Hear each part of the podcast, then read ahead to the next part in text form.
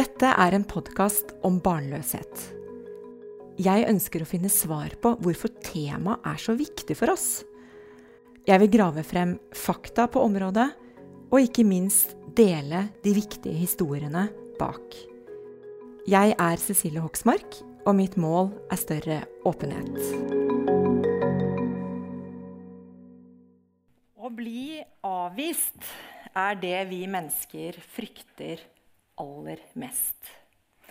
Å være åpen om noe som eh, fortsatt er eh, tabubelagt, og vise annerledeshet, det krever mot.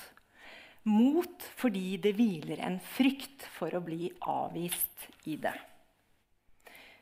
Å by på åpenhet det betyr jo å ha tillit til at det blir møtt med åpenhet. Samtidig ikke være helt sikker.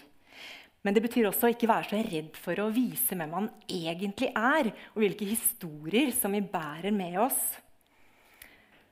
Og ikke minst tenke at vi innerst inne så er vi ganske like. For vi rommer jo det samme sett av følelser, alle sammen. Vi er jo en flokk med mennesker, er vi ikke det? Um, Min misjon for Prosjekt Åpenhet den er eh, ganske høyt eh, der oppe. Og den er at eh, vi må kunne snakke om barnløshet på en naturlig måte uten at det vekker vonde følelser og skaper disse ubehagelige samtalene.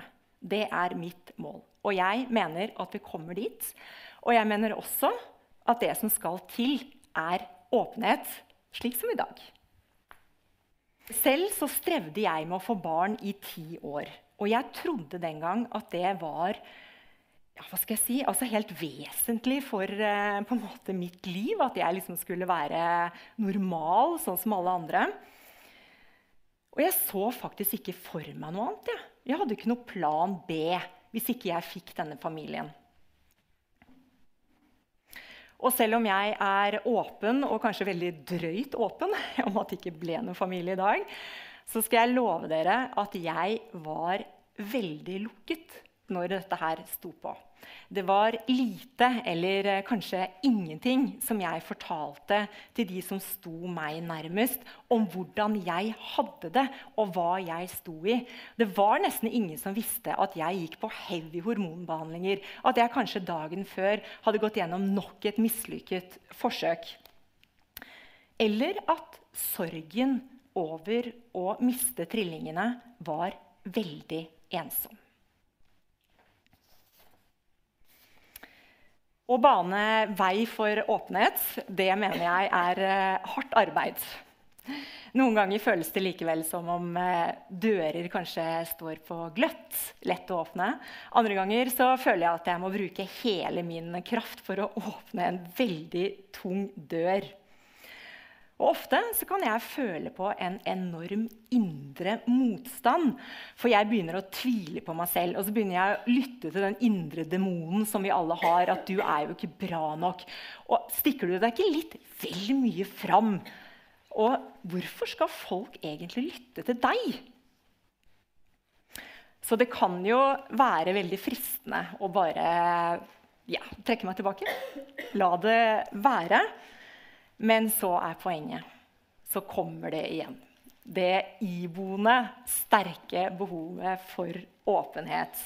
For kanskje har jeg fått en melding fra en som forteller meg hvor mye åpenheten faktisk betyr for andre.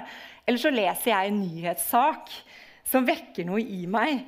Og jeg får et behov for å ta i dette temaet på en skikkelig måte og opplyse og normalisere. Eller så kan det jo være min egen eh, motstand mot å holde igjen og feige ut. For jeg skal innrømme det også, at jeg nok liker å røske litt opp i ting. Og um, av og til si høyt det som andre tenker. og de som kjenner meg her i dag, de vil kanskje si at det gjør jeg ganske ofte. Men å være dønn ærlig.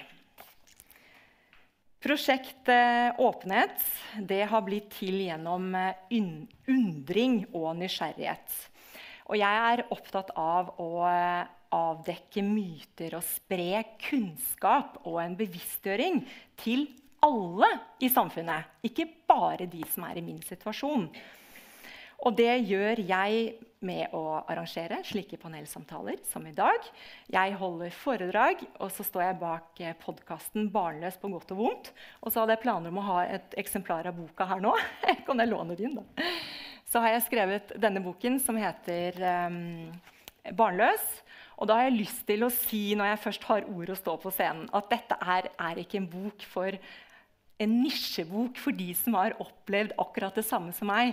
Dette her er en samfunnsaktuell bok skrevet med forskning og mange refleksjoner. Og folk forteller meg at dette kan man relatere til andre ting i livet også. Takk for lånet. Nå dere, er det på tide Det skal jo være en panelsamtale her. Og nå vil jeg gjerne invitere dere opp og vi kan jo begynne med Sissel Gran. Du er psykolog, så det er bare å begynne å komme opp. Og så har vi filosof Lars Svendsen, og så har vi biolog Dag Hesten.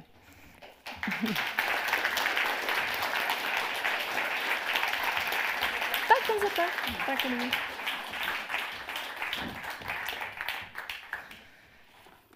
Og vi eh, vi har ikke tid til noe sånn smalltalk her i dag, for vi skal jo gjennom livets uh, store spørsmål. Um, så jeg hopper rett uh, i det. Og så starter jo litt uh, soft, da. Kanskje. Men det er jo hva slags forventninger dere hadde til livet. Og vi kan starte med deg, Sissel. Oi. Ja, det er Ja, skal vi se. Jo, hvis jeg skal være helt ærlig, så tror jeg at min største forventning et, altså For dette er jo litt avhengig av hvor, ja, alder. Men min største forventning det var at jeg kunne forstå meg selv bedre, for jeg gjorde ikke det. Jeg skjønte ikke um, hvorfor jeg følte det jeg følte, og tenkte det jeg tenkte. Og barn på 50-tallet vokste opp på 60-tallet. Men så tenkte jeg vel, eh, altså, så ble jo altså, frihet fra de voksnes, altså foreldres kontroll, ble en sterk forventning og et sterkt, sterkt ønske. Utdannelse. Stå på egne bein, for det gjorde ikke moren min. Um, så jeg ville leve annerledes enn henne. Oppleve kjærlighet, altså et godt parforhold. Ikke et sånt forhold som mine foreldre hadde, altså hvor faren min sa har du tatt fanden på ryggen, må du bære den fram. Altså mora mi. Uh, sånn ville jeg ikke ha det. Så det var en sterk forventning. Og for ikke å snakke om venner. Venner som en stor og god flokk. Jeg tenkte ikke på barn. Sånn var det. Takk, Cecil. Hva med deg, Lars? Ja, altså Jeg hadde nok en forhåpning om å kunne leve et liv med såpass mye varme som eh, den familien jeg vokste opp i, eh, hvor jeg var et litt atypisk uh, innslag. Altså Aldri noen i familien min som hadde åpnet en bok, uh, bok, før meg. Så det lå egentlig veldig lite føringer på, på, hva jeg skulle bli, men det var alltid full backing på at hvis jeg nå en, nå en bestemte meg for, så var det full backing på, på, det. Og vel en forhåpning om at uh, Varme og å kunne komme meg gjennom tilværelsen i hvert fall med et uh, snev av anstendighet i behold. Uten å ha gjort så altfor stor skade på omgivelsene. Og hva med deg, Dag? Skulle du bli biolog? Uh, nei, skjønt uh, et eller annet i den gate sto nok ganske tidlig for meg. uten at jeg helt skjønner hvor det kom fra. Men uh, nei, jeg hadde egentlig ingen forventninger. Som Lars hadde jeg vokst opp i en veldig snill og velvillig familie. Og uh, tok liksom én dag av gangen. I hvert fall uh, fram til uh, første klasse. Da husker jeg da skjedde et eller annet som uh, helt klart endret hele betingelsene. Fram til da hadde det vært én dag om gangen, og livet var deilig her og nå. Det var ikke så mye å gruble på hva, hva man skulle bruke resten av livet til. Men da døde plutselig en jente i klassen, og kirkegården lå rett ved siden av skolegården, så læreren tok oss med der på begravelsen. Uh, og det var en uh, ja, skjellsettende på en veldig skummel måte å se dette, denne vesle kisten bli senket ned, og presten prøvde å forklare at det var en mening ved dette, uten at vi kunne forstå det. Så jeg tok nå for det første et oppgjør med det jeg måtte ha barnetro. som aldri har kommet tilbake. Og så begynte jeg å erkjenne at livet var uh, forgjengelig. Det tror jeg var første gang jeg begynte å tenke at det var viktig på et eller annet vis å ha noe etter seg. Uten at jeg tenkte på barn, men i hvert fall at uh, det hadde vært fint hvis livet ikke bare var akkurat den perioden vi var her, men, men noe mer. Men utover det så vokste jeg også opp uh, uten TV med, med biblioteket rett ved siden av. Så jeg leste alt jeg kom over av bøker. Så det eneste jeg, nærmeste jeg kom med noen drømmer, det var vel å bli en slags sånn blanding av uh, Thor Heyerdahl og Fridtjof Nansen. en liten drøm egentlig, da. Men, Så ble det Dag Hest. typisk guttedrøm. Eh, takk for det. Det var fint at dere delte. Det handler jo litt om åpenhet. dette her også. Det er derfor jeg liksom vil dra dette her ut av dem. Eh, men eh, jeg innledet med å snakke om eh, normer. Eh, og for meg så var det akkurat som det var eh, fastsatte spor som jeg skulle gå i. At det ikke var noe valg. Eksisterer det er det bare meg, eller eksisterer det tydelige normer for hvordan vi skal live, eh, leve livene våre? Og nå ser jeg på deg, Lars. Det eh, fins absolutt normer. Og, og, Norge er i tillegg et land som skiller seg ut med ganske lav toleranse for normavvik. Altså, vi, vi, vi reagerer forholdsvis sterkt når folk går utenfor normene. Så er Det klart at det er mulig at normene våre er litt breiere her enn i en del andre samfunn, men så fort noen trår utenfor, da, da kommer det en del eh, sosiale reaksjoner.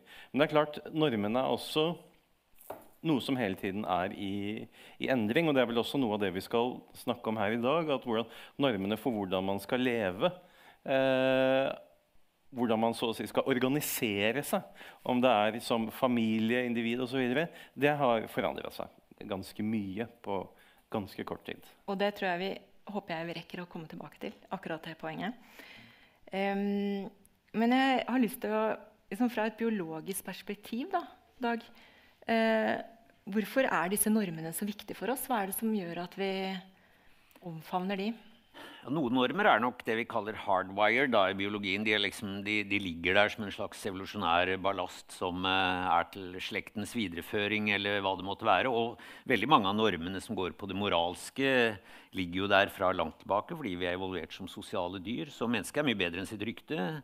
Nå er jo ryktet dårlig, da, men, uh, men, vi er empatiske og flinke til å ta vare på hverandre. Og mye mer enn vi ofte får inntrykk av. Det har jo med medienes uh, hang til det det negative. Så den type normer er der.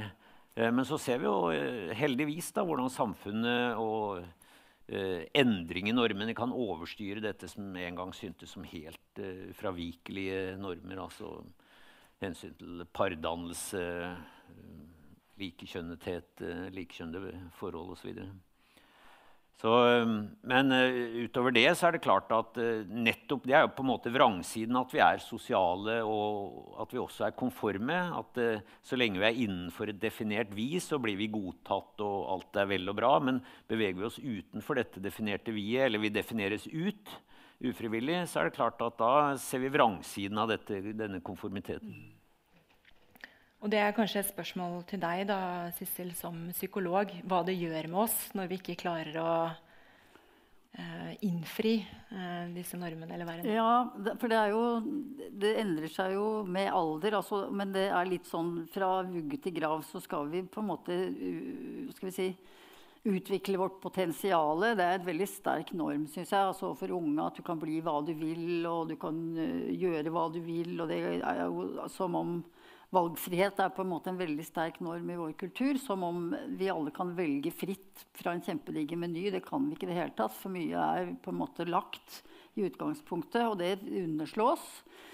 Men, eh, og dette gjennom hele livet. Nå har jeg vært veldig opptatt av aldring i noen år. faktisk, og det er noe med at Til og med eldre og gamle mennesker jeg si, utsettes for et sånn normkrav om å leve, være flinke til å leve. Holde seg godt. Holde seg oppe. Altså, alder er bare tall. Alder er bare tall. Altså, god dag. Ja, det kjenner vi jo på kroppen at det ikke er i det hele tatt. Vi kjenner, ikke sant? Det er en endring på gang her. Ja.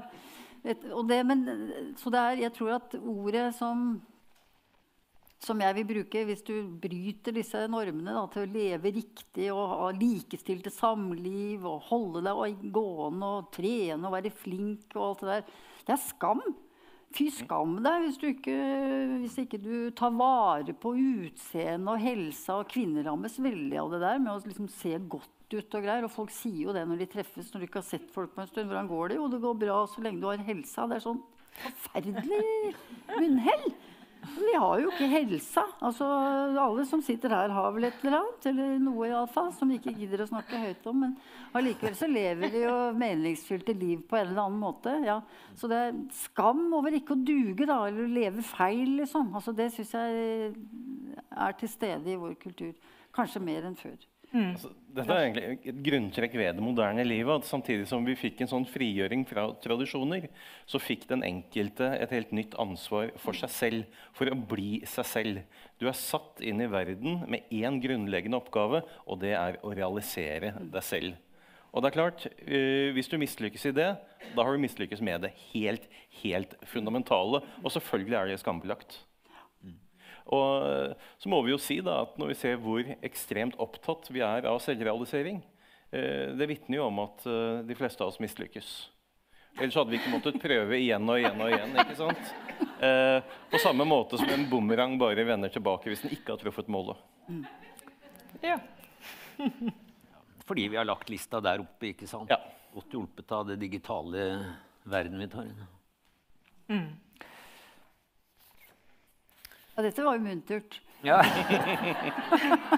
jeg har aldri reklamert med at dette skal bli muntert. Men det er også en sånn norm at alt skal være så fordømt muntert. vi er ikke her for å ha det gøy. Nei, vi er ikke det. Skal snakke Dette skal ikke være gøy.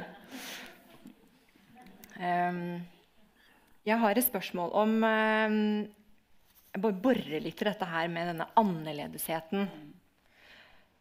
For vi har nevnt skam, og vi har nevnt flokk. Men vi, borer, vi borer litt mer i det.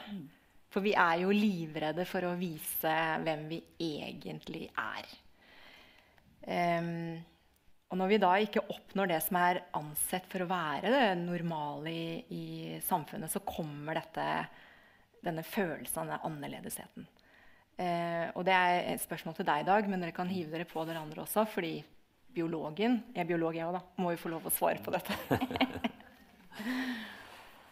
ja, igjen da tenker jeg det er eh, vel så mye psykologi som biologi. Skjønte biologien og, og psykologien glir jo sømløst over i hverandre. Det må vi si. Men øh, jeg tror altså det er dette med normer og dette å høre til som er Og dette er jo ikke bare noe som eh, gjelder mennesker. Det er derfor vi kan se at noe av dette er biologisk betinget òg. For du ser det samme hos dyr. Plutselig er, kan det være en i flokken som mobbes uten at vi kan se en grunn til det, og presses ut. Og da er det antagelig et eller annet der som, som trigger dette for oss barbariske instinkter, men som antagelig ligger der hos oss også. Ikke bare antagelig, helt sikkert ligger der med mobbing og øh, som vi har prøvd å legge lokk på, men det er helt klart at mobbingen lar seg ikke utrydde. Og det er et sånt eh, primitivt eh, tegn på at vi ikke aksepterer det som av en eller annen grunn eh, defineres som, eh, som eh, utenfor normen. Og jeg husker jeg, eh, jeg vokste opp på en tid hvor det var om å gjøre å være motkulturell. og noen av oss prøvde, Jeg vokste på Lillehammer, som er en, ikke en sånn ekstremt borgerlig by. Det var en litt sånn radikal by. og vi, Jeg tenkte at jeg jeg gikk mot normen med måten jeg kledde meg på, frisyrer og alt sånn. Men etterpå har jeg jo skjønt at det var bare liksom en annen norm. Det var en ganske stor utgruppe som alle var forskjellige, men akkurat på samme måten. Så vi tilhørte også et fellesskap. Så jeg tror det at også når man prøver å søke utenom eh, normen, så, eh, så um, ender man opp som en annen norm. Eller, og det, det er jo en ganske alvorlig sak, at hvis man blir definert ut av fellesskapet, så søker man Eh, nær sagt et hvilket som helst fellesskap, hvor destruktivt det enn måtte være, for å få et eller annet sted hvor du hører til. Mm. Sissel, vil du si noe? Nei, jeg tenker på, det, det er riktig tenker jeg, at uh, vi har et sånn veldig tilknytningsbehov. Altså, vi har et veldig, og Du skriver jo veldig fint om det i boka di, Cecilie. om flokkbehovet vårt. Altså, vi trenger noen å, å høre til. Altså, som du også sier, Dag. At, at, vi, at som vi sikkert kommer inn på, og som du har skrevet om også, om ensomhet. Hvor redde vi er for det? Redde vi er for å bli stående alene og på en måte være utenfor det som uh, Og ikke bli elsket. Og ikke bli, uh, bli, akseptert og ikke bli respektert. Vi er veldig redde for det. Og det er som du sier da, vi kan komme til å gjøre nesten hva som helst for å slippe den tilstanden der av sånn utenforskap og ensomhetsfølelse. Så det, det ser jeg veldig mye i jobben din som psykolog. hvor... Um, redde man, hvor redde, redde, vi er for å bli avvist og på en måte puffet ut og miste vår partner f.eks. Eller uh, å bli fragått, bli forlatt. sånne ting som det, som, det er skam knyttet til å bli forlatt i vår kultur. Selv om det er veldig vanlig å forlate og bli forlatt, så er det fortsatt skambelagt å, å bli dumpa. Det, er, uh, det, føles farlig. Altså, det føles som du står på vidda helt ubeskyttet. Og, og, for det er det flokken beskytter deg mot følelsen av å være utsatt. Ja. Mm.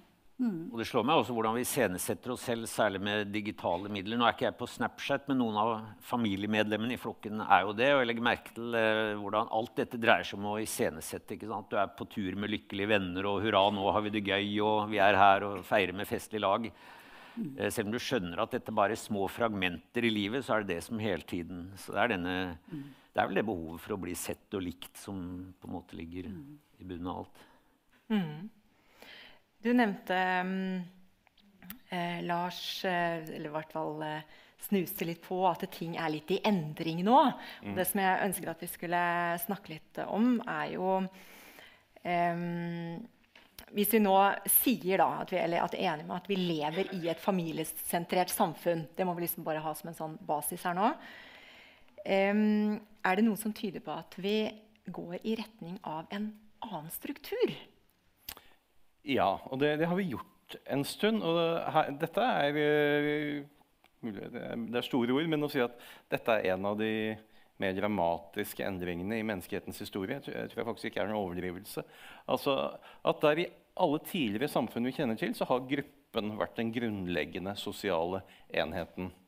Eh, så er det noen grupper som da, noen gruppetyper som har vært særlig populære. Og for oss det liksom, kjernefamilien det, liksom, det, er, det, er, virkelig den grunnleggende gruppen. Har vært i, i moderne vestlige samfunn. Det vi ser, det er at det i stadig større grad er individet som blir den grunnleggende sosiale enheten. Um, og det er interessant å se at uh, det er særlig i sånne sosialdemokratiske land som Norge og Sverige videre, vi ser denne utviklingen aller sterkest. Norge har klodens nest høyeste forekomst av enpersonshusholdninger. Sverige har den høyeste. Og så kan vi lure på hvorfor det.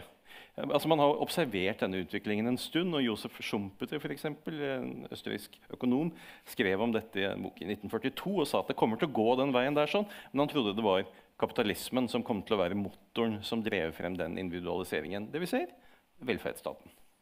Velferdsstaten er en sånn maskin som produserer individualisering. Og hvorfor gjør den det? Jo, fordi den reduserer den enkeltes avhengighet av familien. Ikke sant? Eh, og det har også ført til at det å bo alene ser ut til, Hvordan det oppleves, ser ut til å ha endret seg ganske sterkt. At fra å være så å si en skjebne Eh, noe man dessverre må leve med mot sitt vilje, så fremstår det i stadig større grad som noe selvvalgt. Og Der ser vi også endringer i, eh, i ensomhetsstudier. at Tidligere var det veldig tydelig. Eh, de som levde alene, hadde klart høyere forekomst av ensomhet enn de som levde sammen med noen. Det finner vi egentlig ikke lenger. Fordi det å leve alene har rett og slett endret seg. Så ser vi også at de som lever alene, de, er, de har mye mer kontakt med venner. Også. de har en annen type sosialitet. De har ikke nødvendigvis mindre sosialitet, men de har en annen valgt sosialitet, kan man si. Uh, og I Norge der uh, noen og 40% av husholdningene er enpersonshusholdninger. I Oslo er vi på over 50% Noen bydeler i Oslo, sånn som eh, Sankthanshaugen og Sagene, så er vi opp, opp mot 70% enpersonshusholdninger. Eh, så, så det, dette, er, dette, er, ikke noe uh, småfenomen. Vi ser ikke bare vi ser over hele kloden. Den raskeste økningen i dag det finner vi i land som Kina, Brasil osv. De er ikke på, på, våre nivåer. Og et land som USA, hvor kjernefamilien tidligere har stått veldig veldig sterkt, så ser vi jo nå at uh, familie med barn det er, det er, den tredje vanligste uh, boenheten. Altså uh, par med barn. Så på andreplass har du da aleneboende, og på førsteplass har du par uten barn. Så det, det, foregår en hel del endringer her i, i hvordan vi si grupperer oss og, og lever. Mm. Men et spørsmål til deg, Dag. Eh, ville ikke det være denne kjernefamiliestrukturen som var riktig fra et sånt biologisk eh, synspunkt? Jo, men jeg er enig med Lars. Altså, det er jo uh, mange kulturer hvor det er uh, ikke nødvendigvis altså Familien er jo der, selvfølgelig, men den inngår i en større enhet. Typisk klansamfunn har nok vært mye av det. Og landsbysamfunn også. Altså, det har alltid vært små enheter. Typisk under dette Dunbars number, som man kan diskutere. Men i alle fall, det er en viss størrelse på gruppen hvor alle kjenner alle. Og ofte er det beslektet innad også. Eh, men det har nok vært grunnenheten. Og så har kanskje den vestlige verden da skilt seg ut med økt fokus på kjernefamilien. Eh, også tror jeg fordi vi har fått en levestandard som har gjort at vi har blitt mindre avhengig av klanen da, og, og, landsbyen. Men eh, ganske små enheter og med betydelig grad av slektskap har vel liksom vært grunnstrukturen så langt tilbake som vi har vært mennesker, og antagelig før det også. Mm. Tenker du at det er en, er det en sunn utvikling, Sissel? Jeg tror vi må se på hvem er de 50 prosentene. Altså hvem er de enslige? Hvem er de aleneboende? Det er enker. Det er skilte. Forlatte. Eh, det er unge som ikke har etablert seg ennå. Eh, og som har kjæreste, men som ikke er registrert som samboere eller, eller, gift. eller sånn. Så har du, du en svær gjeng av folk som er på vandring fra et forhold til et neste. Altså sånn du, og du har i den gruppa på 50% aleneboende, så er det ekstremt mange som leiter etter livets mening. Og som er på veldig leit etter en uh, hjertens kjær. Det må vi bare ikke sant? Sånn at, for, for jeg er veldig enig med deg. Tallenes tale er tydelig og klar. Og at vi er mindre ensomme i dette landet enn i f.eks. Italia. Det, og eldre og gamle er mindre ensomme her, rapporterer mindre ensomhet enn i Sør-Europa. f.eks. det er også fordi at vi er en veldig sånn selvstendiggjort kultur. Ja. Altså, og vi, I dette landet her og i Norden så har jo aldri unge blitt boende under mors og fars eller svigerforeldres tak. De flytter ut, etablerer seg, og har vi, sånn har det vært bestandig. Mm. Også i gamle dager så var det ut og ta tjeneste når du var 15 år. Man ble ikke boende hjemme hos mor og far da heller. Så vi har veldig sterke, selvstendige tradisjoner da, i vår kultur. Men at det er mange som, som strever, selv om det du sier er veldig trøstende. Det er det faktisk. Altså, for det er liksom ikke sånn skam. Det er ikke skjebne, som du sier lenger. Å, Gud, stakkars henne, liksom. Å, stakkars forhutlede, ensomme menneske, liksom. Å nei, og nei, så fælt. For det er mange det handler om veldig mange, og det er, altså det er veldig bra. Altså at man har likesinnede, og det er ekstremt mye vennskap i den eh, svære gruppa der. Altså at uh, Vennefamilier og vennegjenger og nære venner og vennskap på tvers av kjønn og sånn. Men har, fortsatt så har du den der leitingen skjønner du, etter the real thing. Absolutt. Den rette er der ute et sted. Bare jeg, har, bare jeg gjør de riktige tingene trykke på de riktige knappene. Dette har jeg sett så altfor mye av. skjønner du. Ja. Jo, absolutt. Og, vi ser jo det i studier av opplevd livsmening.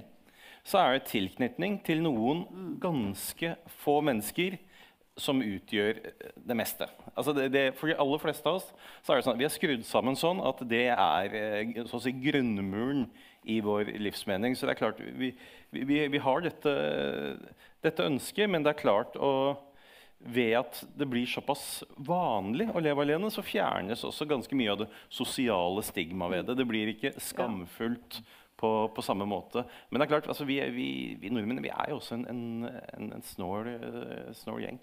Uh, altså, vi er, uh, vi er veldig individualistiske. Vi er veldig individualiserte. men vi er også veldig tillitsfulle. Vi har klodens mest tillitsfulle folkeslag. Eh, så gjerne disse World Value Survey blir presentert, eh, så finner sånne overskrifter i Aftenposten av typen 'Nordmenn klodens mest naive folkeslag'. Eh, det er i så fall en, naiv, en, naivitet vi skal være veldig glad for. Fordi at den naiviteten, som da er uttrykk for en generalisert tillit Nordmenn mener stort sett at andre mennesker i det store og det hele er til å stole på. Det muliggjør en type umiddelbarhet mellom oss. Vi er ikke så tilkneppet som vi ofte ynder å tro. Vi, vi, er, vi, er, faktisk ikke så verst åpne med hverandre, selv om vi gjerne også vil ha litt distanse. Og det er nok hovedforklaringen på at Norge etter alt å dømme har klodens laveste ensomhetstall. For er det noe vi finner veldig godt belegg for, så er det dette forholdet mellom eh, tillitsnivåer og ensomhetsnivåer. Både individer og samfunn med høyt nivå av generalisert tillit, der finner vi lave ensomhetsnivåer. Og er tillitsnivåene lave, så finner vi høye ensomhetsnivåer. Så alle som ser til Sør-Europa med et sånn rosenrødt blikk på de varme fellesskapene der, kan bare se på ensomhetsstatistikkene deres. De er veldig, veldig mye styggere enn våre. Um, vi diskuterte litt på forhånd her at det var uh, altfor mange spørsmål. Så derfor så tar jeg et tilleggsspørsmål, tilleggsspørsmål. Jeg um, og det er Jeg har fundert på dette her at vi tenker vi ikke litt for smått? Altså om hva vi all, hver og en kan bidra med det har plaget meg i det siste. Uh, og så jeg liksom ser for meg et bilde av en person, og så er det liksom livet foran deg. Og så har du tre dører som er sånn tydelig klare. De kan du velge. Og så er det masse andre grå dører som du da ikke velger å åpne opp. Det er i hvert fall mitt liksom, forhold til inngangen til uh, voksenlivet. Og siden jeg har dere tre her nå, da, som på en måte alle sammen har gjort noe mer, altså skrevet, uttalt seg, vært en del av samfunnslivet, så lurer jeg veldig på hva som er drivkraften bak det. Vi kan begynne med deg i dag. Ja, da er det mulig jeg må gå tilbake til den uh, skrekkfylte opplevelsen med hun i klassen som døde, og jeg liksom fikk dette at uh, ok, livet er forgjengelig. Jeg hadde en periode da, med intens dødsangst etter det. Den varte ganske lenge. Og så tenkte jeg at uh, ok, og siden jeg også hadde mistet det lille jeg måtte ha tro, så skjønte jeg at det, det, det gjaldt å skape den meningen som måtte finnes i livet. Den måtte man skape selv. Uh, og det er klart det er mange måter man kan gjøre den på. Det kommer vel tilbake til mest intuitive, kanskje. og i hvert fall sånn Biologisk vil jo være å, å, få barn, og, og, det vil alltid tror jeg, for de fleste i hvert fall være én form for mening. Men jeg, jeg tenkte ganske tidlig at det å eh, gjøre et eller annet innen forskning eller oppdage noe eller være noe bra for verden, det er, jo, det er jo ikke noe spesielt for meg. Jeg tror sånn føler alle det. At hvis du kan bidra til å rette opp klodens skjeve gang ørlite grann, eller gjøre et eller annet eh, som har litt betydning utover akkurat din egen navle, så er det det nærmeste vi kommer mening. Selv om man også selvfølgelig kan få mening i intense blaff av kjærlighet eller intens naturopplevelse og den type ting. Men jeg, altså det du begynte med å jeg er helt enig i at, eh, vi som individer tenker gjerne at det ikke spiller noen rolle hva vi gjør, og at vi ikke kan tenke stort. Og, sånn så det er jo også dette ønsket om å få så mye barn eh, paradoksalt. For det er kanskje det beste vi kan gjøre for kloden og planeten, og i hvert fall de som skal komme etter oss, som forhåpentligvis skal bli ganske mange, det er jo på mange måter fødde færre barn, da, det, hvis vi ser stort på det. Så jeg siterer ofte en sånn eh, siden jeg ofte snakker om dette i klima- og miljøsammenheng, det er en veggplakat jeg så i Bergen, at den største trusselen mot planeten det er troen på at noen andre skal redde den. Og jeg tenker det, Sånn kan man tenke om ganske mange ting. Mm. Mm. Sissel, hva har eh, drivkraften din eh, vært for å være såpass eh, hva skal jeg si, eh, bidra til eh, samfunnet? Og den var ikke der i starten, det skal jeg bare love deg. Altså, det hadde ikke noen tanker om å skulle bidra. Det eneste jeg hadde et behov for å få beina under meg. på en måte, fordi I motsetning til de to her så vokste ikke jeg opp i en veldig varm familie. Så frigjøring og komme seg vekk var det aller viktigste for meg. Altså Å stå på egne bein, virkelig komme seg unna få et annet liv enn det jeg så der hjemme. Så, og da tror jeg man, ut, man blir annerledes utstyrt, uh, rett og slett, uh, enn om man har vokst opp med veldig sånn hvor man blir heiet på, for det var ikke noe heiing der. Uh, og det at jeg ville begynne å ja, studere, det var det latterligste og verste de hadde hørt der hjemme. at det, Da fikk jeg bare klare meg selv og dra litt pepperen Så det, sånn var det. Sånn var det, ja. Og da, klart, da blir du litt rar. Um, og så for meg så ble jo uh, hva skal jeg si, For meg har vennskap betydd veldig mye. Så jeg fulgte vennespor i veldig mange år. Det er helt tilfeldig at jeg ble psykolog. Det skal jeg bare si dere her og nå. Det var ingen plan med å bidra slik at mennesker og par skulle få et bedre liv. Nei. Der falt jeg inn i fordi at vennene mine skulle absolutt studere grunnfagspsykologi. De som jeg hadde truffet tidlig da, på Blindern. Og da tenkte jeg herre fader, altså, jeg skulle jo ta språkfag og et eller annet. Men de skulle absolutt inn på det studiet, så jeg fulgte jeg med da, som et sånt, uh, i kjølvannet av det. Og så rulla det på, og så tok det ene det andre, og så sitter jeg her. Det er vel ikke egentlig noe mer å si om den saken. Jeg tror på at det er mye tilfeldigheter i livet. Altså. Det, men etter hvert så ble det viktig, selvfølgelig. Og, og etter hvert så ble, har det vært viktig å, å ja, å føle, føle, at jeg har et oppdrag. Altså det, jeg føler det. At jeg har et oppdrag, og det handler om å ja, bidra til at vi skal snakke høyt om hvordan det er å være menneske i verden og menneskelige relasjoner. Hvordan det er å være barnløs, hvordan det er å være, bli eldre, hvordan det er å være forlatt. Hvordan det er å altså, hjelpe folk av med skammen. Altså, det, vært, det, er et prosjekt for meg. Hjelpe folk av med skammen over at de ikke lever riktig. Det um, tror jeg at det mm. er vel kanskje det viktigste nå, og har vært de siste ti år. Mm. Mm. Føler du, Lars, at du har et uh, oppdrag? Hmm, altså, for meg så er, altså, Jeg skriver bare bøker om ting jeg ikke skjønner. Mm. Uh, for at jeg skal skrive en bok om noe, så må det være fordi jeg ikke forstår det. Mm. Uh, og så er det å skrive den boken en, en, prosess for å komme til en eller annen type klarhet. Og så tenker jeg vel da at jeg er vel ikke så forbaska unik. Så hvis jeg klarer å skrive dette på en sånn noenlunde vettug måte, så er det forhåpentlig et eller annet av relevans der for uh, andre enn uh, enn meg også. Det, det, det men det er egen forvirring som er eh, utgangspunktet. Å prøve å, å, å, få bort den. Og så, det er, det klart Man skal, skal ikke overvurdere hvor lik man andre heller. For altså, på seg selv så kjenner man jo knapt nok seg selv. Uh, I hvert fall ikke andre. Nå er det filosofen som snakker.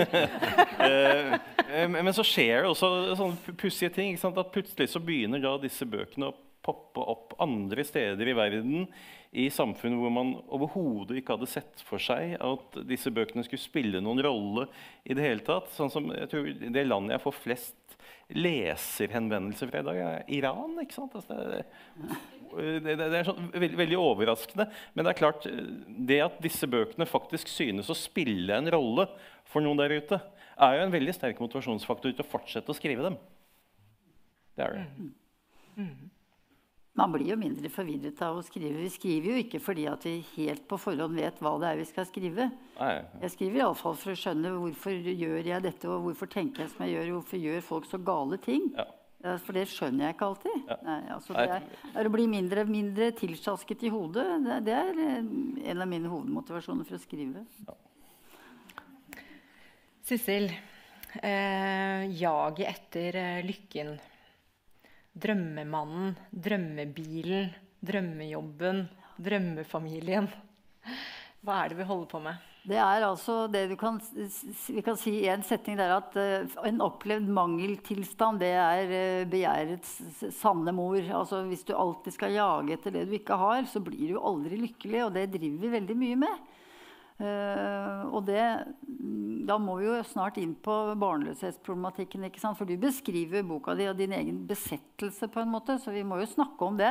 Altså, man, for det er klart at det vi ikke har, og som vi hele tiden blir presentert for at det er veldig viktig at vi burde ha, det kan gjøre at vi ikke klare å sette pris på det vi faktisk har. Altså, jeg har en mann som er veldig ålreit på det. der. Han sier at du skal elske de nære ting. Det er nesten den der gamle låta la, la, la, la, la. Husker du den? La, la, ja. Lykken du søker ja, bak blånende fjell. Ja, lykken du søker bak blånende fjell. ja. Kan hende du alltid har eiet den selv. Ja, det er fantastisk. Ja, det var kulturelt eh, innslag. Ja, den er fin. altså De nære ting. Altså, det, uten at vi skal bli helt sinnssyke og si 'carpe diem' og, og, og gå på meditasjonskurs hele tida. Men det er noe med å være litt lykkelig med det du har òg, da. Uh, og det Jeg syns at uh, den derre jagingen uh, den, den, tar oss til et vondt sted, altså. Ja. Det er en fransk filosof som heter Pascal Brochner, som har formulert det sånn at vi er antagelig de første menneskene på kloden som er ulykkelige fordi vi ikke er fullkomment lykkelige. Ja. Så det å komme til kort overfor en helt urealistisk norm er noe som i seg selv bidrar sterkt til å gjøre oss miserable. Og det tror jeg er en ganske riktig observasjon. Mm. Mm. Samtidig, hvis vi skal lete etter de biologiske røttene her, så er det litt det samme som misunnelse. At det er et insentiv for å komme høyere opp, enten det er for å ha en uh, vakker partner og familie å vise fram. Det er jo en betydelig del av det. Det er status, det òg. Kjekt å ha flere, som det het. Og Eh, det samme med materielle symboler og alle tegn på vellykkethet, fordi det øker statusen. Og status er alltid en god valuta. Den kan veksles inn i veldig mye, og ikke minst kan den veksles inn, hvis man mangler det, en attraktiv partner og familie som på mange måter kan ses som det ultimate, da, biologisk ultimate mål. Så status eh, det er jo det det dreier seg om. Det er det som gjør at selv den mest overbetalte og bemidlede megler i Holmenkollåsen kan være misunnelig på naboen som tjener 20 millioner hvis han bare tjener 18 millioner selv. Altså det er den relative klatringen som jeg tror aldri vi helt blir kvitt. Men uh, selvfølgelig som uh, kan ta overhånd i et samfunn som ensidig fokuserer på, på den type ting. Mm. Og nå til de to spørsmålene som Sissel har sagt. Vi må snakke om det. Må ikke glemme det. Nå kommer de. Og det første spørsmålet, det er eh, barneønske. Det er til deg, Dag. Hvor kommer det fra? Da snakker vi i hvert fall om et uh, biologisk, og det dypeste av alle biologiske imperativ. og Det er jo å, å føre genene videre som uh, man ikke må forveksle med at det er eneste meningen med livet, men at det ligger der som et grunnprinsipp i absolutt alt liv, er helt åpenbart. Så uh, En sånn klassisk tegneserie viser jo et uh, primitivt dyr som kryper på land, og så utvikler seg mer og mer, og du kjenner sikkert denne, alle biologer kjenner den. Denne ape, og hele veien så står det liksom bare tre ting i hodet. Eat, survive and reproduce. Det er liksom livets imperativ. Og så kan du dø. Da har du gjort det. Og så til slutt står mennesket der og spør ja, hva er alt dette, hva dreier det seg om, hva er meningen? Så, men altså selve drivkraften etter å få barn, som uh, ligger tror jeg, som en skjult agenda i veldig mye av, av hva vi gjør, også statusmarkering og posisjonering og alt dette, uh, det er kanskje det sterkeste og mest grunnleggende biologiske imperativet vi har, som går gjennom alt liv, og som selvfølgelig er der hos oss også. Um, så trangen til å få barn uh, tror jeg er lett å forklare biologisk. Og så må man selvfølgelig og bør diskutere er det det eneste saliggjørende her i verden. Og det mener jeg at det ikke er, men det kan vi jo komme tilbake til. Mm. Cecil, du nevnte jo at um, når jeg spurte det første spørsmålet om hva slags forventninger du hadde til livet, mm. så sa du at uh, det var i hvert fall ikke barn. Ikke da jeg var ung. Ikke da du var ung, Nei. men så endret det seg. Og spørsmålet er fortsatt på dette barneønsket, da, hvor, mm. om hvor det kommer fra. Jeg tror Dag har veldig rett. For, for ikke, vi tenker nok ofte at vi er liksom avskåret fra uh, vekten av biologi. Altså fordi vi lever i et sånt uh, Vi er så rasjonelle, og vi lever i liksom uh, homo economicus. ikke sant? Og vi er liksom Vi er litt vi er uh, veldig digitale, vi er veldig teknologisk uh, opplyste. Vi mm, er veldig selvstendige, alle har egen økonomi. Vi klarer oss selv godt. Og så tror jeg nok at vi fra det trekker en feil slutning noen ganger til å tenke at, at liksom, hvis du har et behov for barn, hvis du føler det sterkt, enten du er alene eller i et forhold, så er det liksom det er nesten da det er noe i veien med deg. Ja, at bevare meg vel, liksom. Er du ikke fornøyd med det du har? Så jeg har jo lyst til å renvaske litt det der eh, barnebehovet. Ja. Og, og, liksom baby fever, som du skriver om. og sånn, eh, At det er, eh, det er ikke det minste underlig at det er et dyptliggende ønske hos veldig mange, både kvinner og menn. Og jeg må jo si at jeg, Etter at jeg hadde vært terapeut i veldig mange år, så kjente jo jeg Heldigvis så hadde jeg opplevd et lite barn i mitt liv. Min søsters uh, datter, som jeg, var, som jeg har hatt et forhold til fra hun var null, null, dager gammel. Som var veldig viktig for meg. Og så fikk jeg en bonusdatter som var verdens snilleste. Og fikk, så fikk vi et barn til. Altså, og, det, for å si det sånn altså Det viktigste for meg etter hvert ble jo Eh, at døtrene, at disse tre jentene da, som jeg er så glad i, at de har det bra. Jeg gir litt blaffen i de andre tingene innimellom. Det må jeg si rett ut. At det er kanskje det viktigste i livet mitt. Men ja, ok.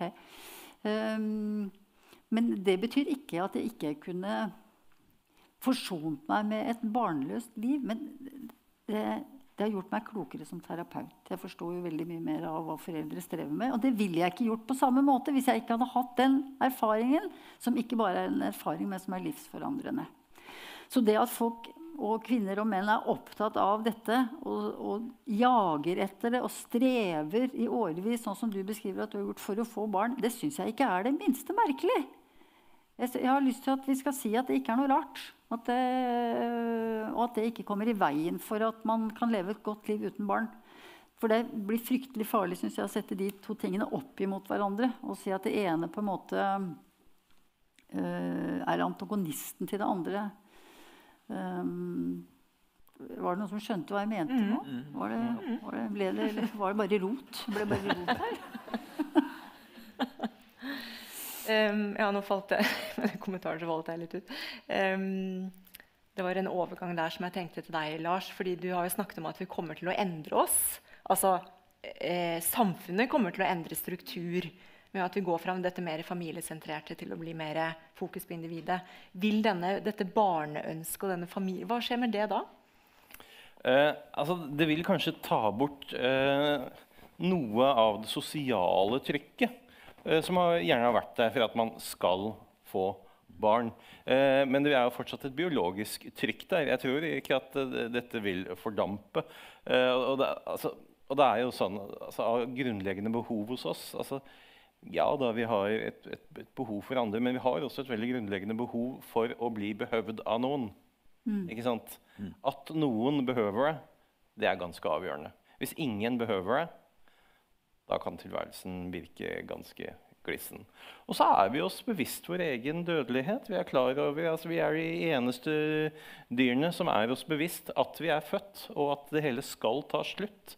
Livet vårt har en type innramming som ikke noen andre dyrs liv har. Eh, og da har vi jo også dette behovet for å kunne tenke at noe vil så å si overleve oss. Noe kan, forbi, noe kan være der utover denne rammen. Og barn er en ganske opplagt kandidat til noe som da kan være der, noe man kan etterlate seg. At man har satt noen spor. At uh, du ikke forsvant ut etter den ene sjansen du fikk, uten å sette noen som helst spor etter den. Mm. Og da begynte, så jeg at Dag begynte å tenke. Eh, vil du si hva du tenker på? Nei, det var mer enn sånn. Men, ja, nei, jeg, jeg, jeg tenkte jeg hele nesten... tiden om dette, og, ja. og, og, jeg har jo tenkt mye på det også. at um, uh, Hvis man tenker nøkternt på det som biolog, så er jo disse for det første disse genene vi viderefører. Hvis vi ser på det sånn, så er det jo stort sett ikke spesielt verdifulle. og Skulle man ha et helt spesielt talent, så vil det også tynnes ut. Sjansen for at det arves av barna, er eh, nesten null. kan jo være elementer av det. Så den ideen at man skal videreføre et eller annet supert ved seg selv, eh, tror jeg de fleste av oss kan se bort fra. Og så er det jo det at eh, etter noen få generasjoner så er dette tynna ut nesten til null. Det er bare homopatiske konsentrasjoner igjen av dine egne gener. Så rasjonelt sett så er det akkurat her og nå mens du lever, selvfølgelig. Og som Lars sier, dette at noen behøver deg tror jeg er viktig. Og så er det selvfølgelig også den sosiale forventningen, og særlig på kvinnene, at det står en bestemor bak, og, eller en vordende, en, en, som gjerne vil bli bestemor. og skal du ikke snart. Det trykket slipper jo vi menn. Men jeg er kommet til den erkjennelse at hvis du kan etterlate deg ikke nødvendigvis gener, men memer, da, som er den fonetiske sammenstillingen av memory og gene, Eh, men som er et ganske godt begrep. For det, memer kan være veldig mye, men det er ting som spres i, i, samfunnet. Det kan være alt fra musikksmak til moter, og det kan arves litt sånn mm. genetisk. Og, og, noe kan spre seg, og, og no, noe det ut. Men hvis du virkelig gjør noe bra og, og produserer noen gode gener, nei, memer, i form av en bok eller gjør noe godt for samfunnet, eller som ditt initiativ er, så tenker jeg, og det er helt uavhengig av at jeg sitter her og liksom skal føle føler meg presset til å mene at uh, det er noe annet enn gener som teller, så mener jeg oppriktig det. Mm. Jeg, jeg, ble sitert på det i et intervju en gang. Og jeg har jo barn, da, og de leste dette òg. Ja. ja, så det var ikke så farlig med oss, liksom. da. Du ville vært mye mer fornøyd hvis du klarte å produsere noen memer som ble huska. Det er ikke sånn. Da kan man ha begge deler, så er det jo bra. Men i alle fall, har jeg kommet til at eh, hvis man ser litt stort på det, og det mener jeg vi bør gjøre, og litt langsiktig på det, at verden skriker jo ikke etter flere barn, selv om noen norske politikere skriker etter det, så, så uh, er det en mye større ting å etterlate seg noe som er bra for samfunnet, som ikke er egne gener. Mm. Nå er det ikke sikkert noen av dere kan svare på det, men jeg tar sjansen. da. det er jo noen som mener at uh, unge i dag tenker annerledes på det å få barn. At de stiller faktisk seg selv det spørsmålet om jeg skal ha barn. Fordi at, Og litt det samme som det du snakker om, Lars. Er, er det noen som har lyst til å, å uh, svare på det? De syns jo verden er skumlere enn den var for en tid tilbake. for å si det sånn, og At det er veldig aktualisert i disse dager tenker jeg, med klimatoppmøter. og Hvor, hvor går vi? Altså, Hva er vi på vei inn i? Altså 1,8 grader stigning. Hva, altså, hva skjer? Jeg tror veldig mange unge syns at det er eh, en skremmende, et skremmende scenario. At at ja, gjør at de reflekterer litt over skal jeg, er dette en verden å lage familie i, eller skal jeg bare vente og se hva som skjer. Liksom? Og det forstår jeg veldig godt. At, det, at, fremtiden virker utrygg. Og så mange unge sier jo det. At jeg vet ikke om jeg tør det. rett Og slett. Og det, det er virkelig tankevekkende. Um, så, det er noe litt det er noe depressivt i det, men det er også noe sånn offensivt i det. Altså, uh, i forhold til å, eller når det gjelder å tenke fremover, tenke fremtid. Ikke bare tenke meg, meg her og nå, men uh, er det sjansespill, liksom. Mm.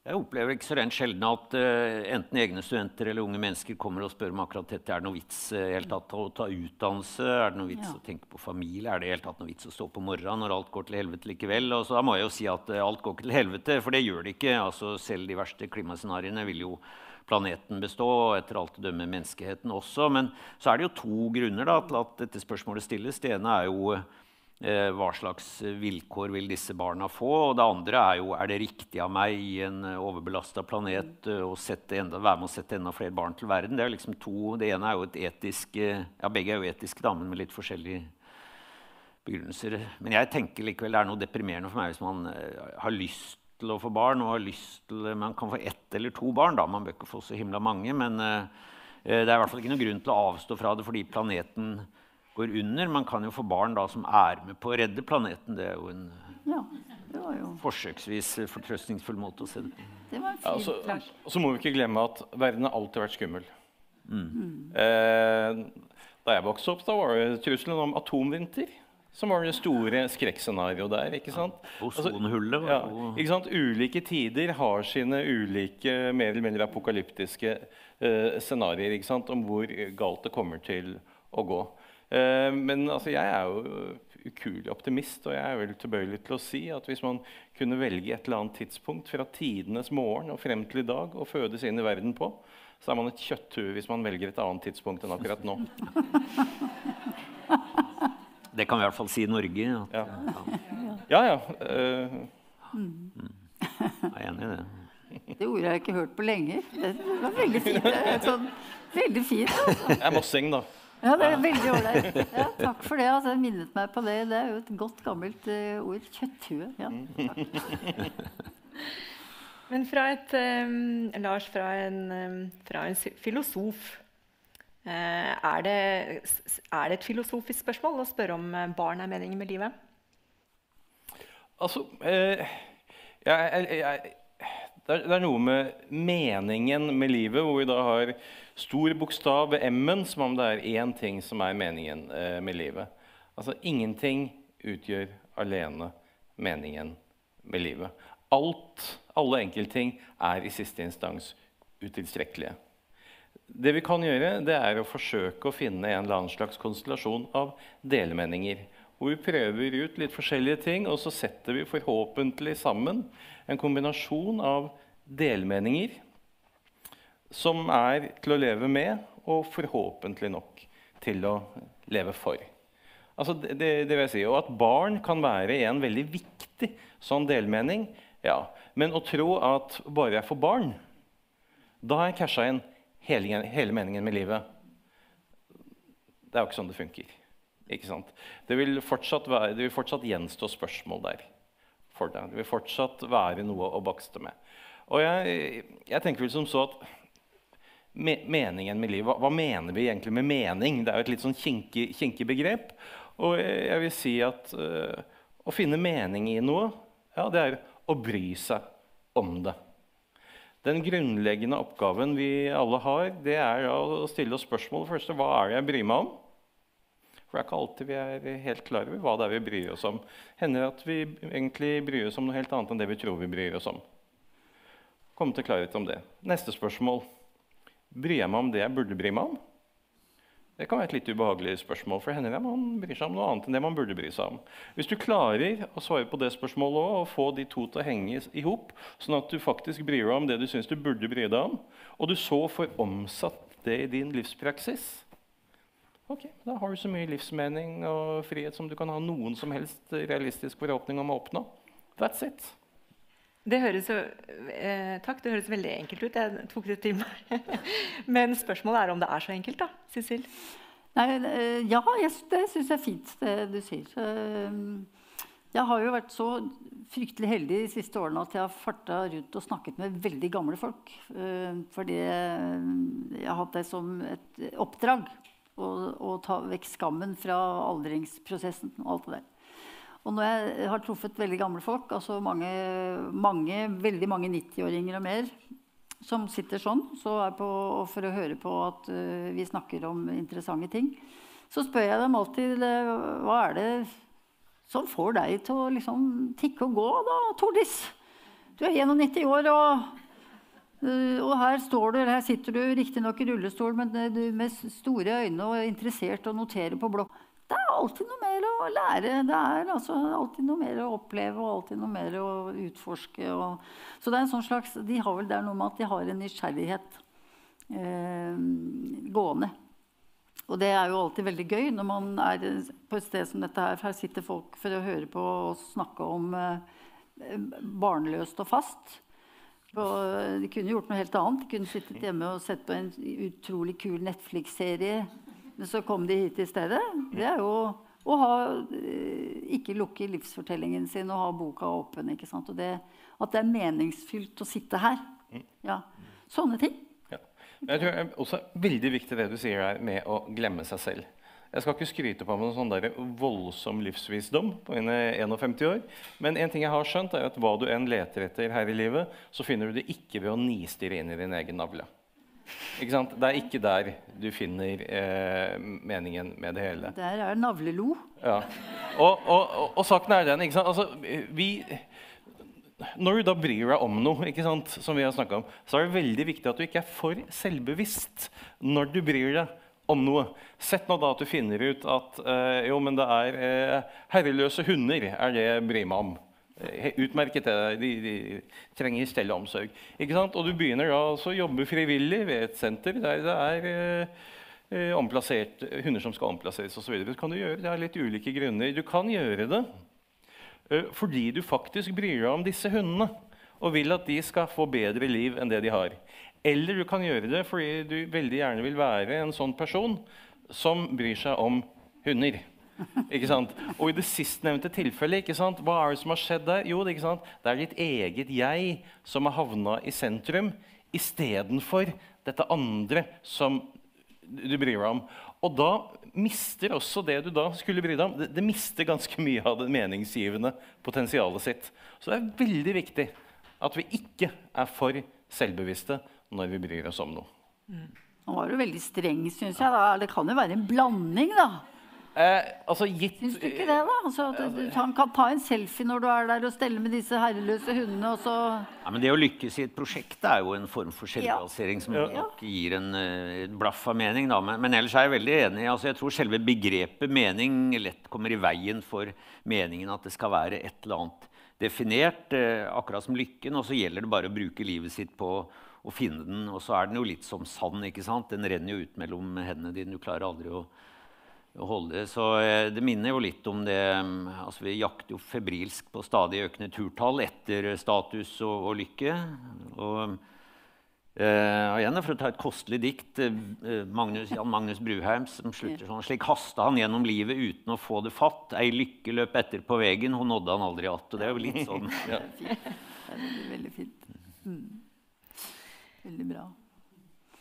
Jeg syns at um denne samtalen om mening var veldig god. Så jeg har ikke lyst til å hoppe til et helt nytt uh, tema. Jeg vil heller liksom runde av litt med å spørre hver og en av dere. Og kanskje du, Dag, har fått sagt det du hvis du har noe å legge til Du har snakket om memer og, og versus gener og sånn, men du har kanskje noe å legge til på hva som hva er meningen for deg?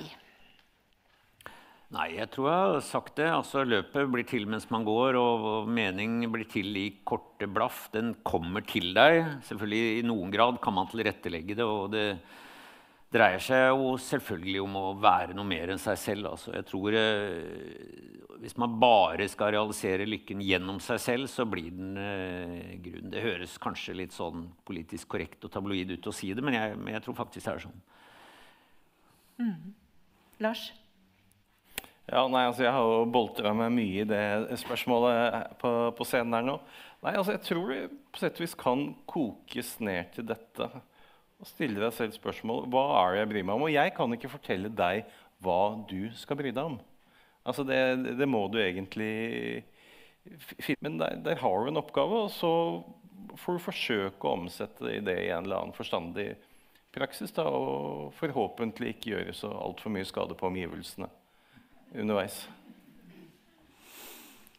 Nei, jeg hadde bare et lite sluttpoeng som jeg tenkte å si at det som i hvert fall er helt åpenbart, og igjen sier jeg ikke det fordi vi sitter her med denne boka, denne tematikken og, og dette initiativet, at uh, lykken kan i hvert fall utmerket finnes også i fravær av barn.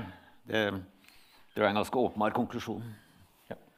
Så får barna mine tilgi meg at jeg sier det, men uh, det mener jeg oppriktig. Ja, jeg tenker at Noe av det som uh, gjør at liksom, meningen forsvinner for mange mennesker, det er jo at du opplever at, at ting er uoverkommelig. Altså, det tror jeg mange opplever i dag i en arbeidssituasjon. At det er uoverkommelig, det er for mye. Altså, det er for små ressurser til å utføre de oppgavene du faktisk skal. Så det å oppleve at noe at livet måte, eller tilværelsen eller dagen er, at det er uoverkommelig og at det er uforståelig, altså hvorfor det skal være sånn, hvorfor det skal være så effektivitetsdrevet i et sykehus en sykehusavdeling f.eks., det tror jeg kan ta meningen fra folk. Og da sier liksom 31 jordmødre på sykehuset de sier opp jobben sin. Um, og da, det handler nok om at da forsvinner meningen altså med det å gjøre det de har følt at har, som de har hatt veldig stor glede av å gjøre. Så jeg tror det der med å oppleve ting som forståelig og overkommelig veldig, har stor betydning for oss. Altså, uansett hva det måtte være. Ehm, men jeg, har, jeg, må jo se, jeg har jo sett utrolig, veldig mange par som strever med dette med å få barn. Vi må dit, syns jeg. Og fordi de tenker at med det barnet så vil vi redde forholdet, eller vi vil bli lykkeligere. Alt, og så, det skjer også. Altså I en fase, en periode. Og så er man ofte litt tilbake i det samme. Eller kanskje det er veldig mye mindre gledesfylt enn det man tenkte, fordi at man føler seg i perioder sinnssyk uh, med den barnetåka. Og syns ikke at partneren hjelper til, og, og, så blir det helt uoverkommelig og helt uforståelig, det hele, og meningen forsvinner der også. Det, det er ingen så det er jo sånn, det er ikke noe løsning. Altså å, hvis, du, hvis, du, tenker at barn skal være løsningen på ditt meningsløshetsproblem, så vet jeg at det, det er ikke riktig. Men når det er sagt, så forstår jeg veldig godt som jeg var inne på i sted, at folk er veldig opptatt av å realisere det, for det ligger så dypt i oss. og det kommer ikke bort fra. Og det er et enormt trykk fra samfunnet om at du skal realisere likestilt samliv, familieliv og barn. Og det er et kjempetrykk i venninneflokken. For den som er 38 år og fortsatt barnløs, og alle de andre har fått en eller to barn, og snakker bare om det som du skriver om i din bok, at går det an å komme på en, på en parmiddag med venninner og venner og bare sitte og snakke om hva de skal lage for slags matpakke til barna i, i barnehagen eller på skolen, er det det eneste man skal snakke om nå heretter? da?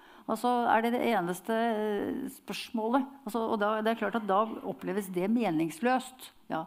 Så jeg kan forstå mange barnløses fortvilelse rundt sånne parmiddager eller sånne venninnesammenkomster hvor det bare er eh, bare er pludderprat om unger og hva de har gjort, og raping, gulping, amming. At jeg, jeg kan forstå at det oppleves ekstremt provoserende for, uh, for, en som kanskje strever da, med sin femte IVF-behandling uten å ha fortalt om det, fordi uh, det er så sårbart. Nei, nå gikk jeg veldig langt ut fra det her med hva var meningen med livet for meg. Jeg gadd ikke å tenke noe mer på meg nå, jeg. Ja, bra! Det var det som var oppgaven. Ja. Du, jeg, vil, jeg, jeg tror vi, vi runder av med, med de ordene der. Og så kan vi kanskje, hvis jeg er freidig nok, så kan jeg si at eh, la oss også snakke om andre ting da, rundt dette bordet. Det må være lov å si. Og så vil jeg gjerne takke dere, og så syns jeg vi skal gi dem en skikkelig applaus.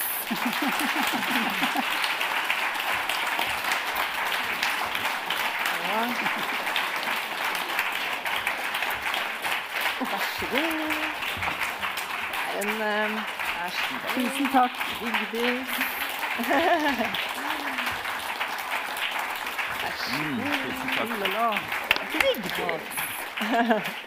Og tusen takk for at dere kom. Jeg synes vi må bare si at vi må fortsette med den boken. Så må vi skrive de historiene om at veien blir til mens vi går oss vill. Det tenker Ja. jeg er veldig fint. Og så må vi takke, takke Cecilie for at du eh, lyser opp dette her temaet. Kom fram her. Ja, okay. Så vil jeg så gjerne gi deg et lite Jeg tenkte på hva dikt skal jeg gi til Cecilie. Men jeg bare tenkte, jo, så kom jeg på Langt det. utenfor programmet. Ikke, ikke tenk på det. Mennesket som lyser, du kjenner deg. Mennesket som lyser. Varmen er som et segl etter deg. Andlet som åpne vinduer. Du fanger deg aldri, men det legger att etter seg noe godt, så du kan ta opp i deg og kjenne gløden fra lenge etter. Kjenn på den, du, til det går. Tusen takk. Takk skal dere ha. Takk til deg.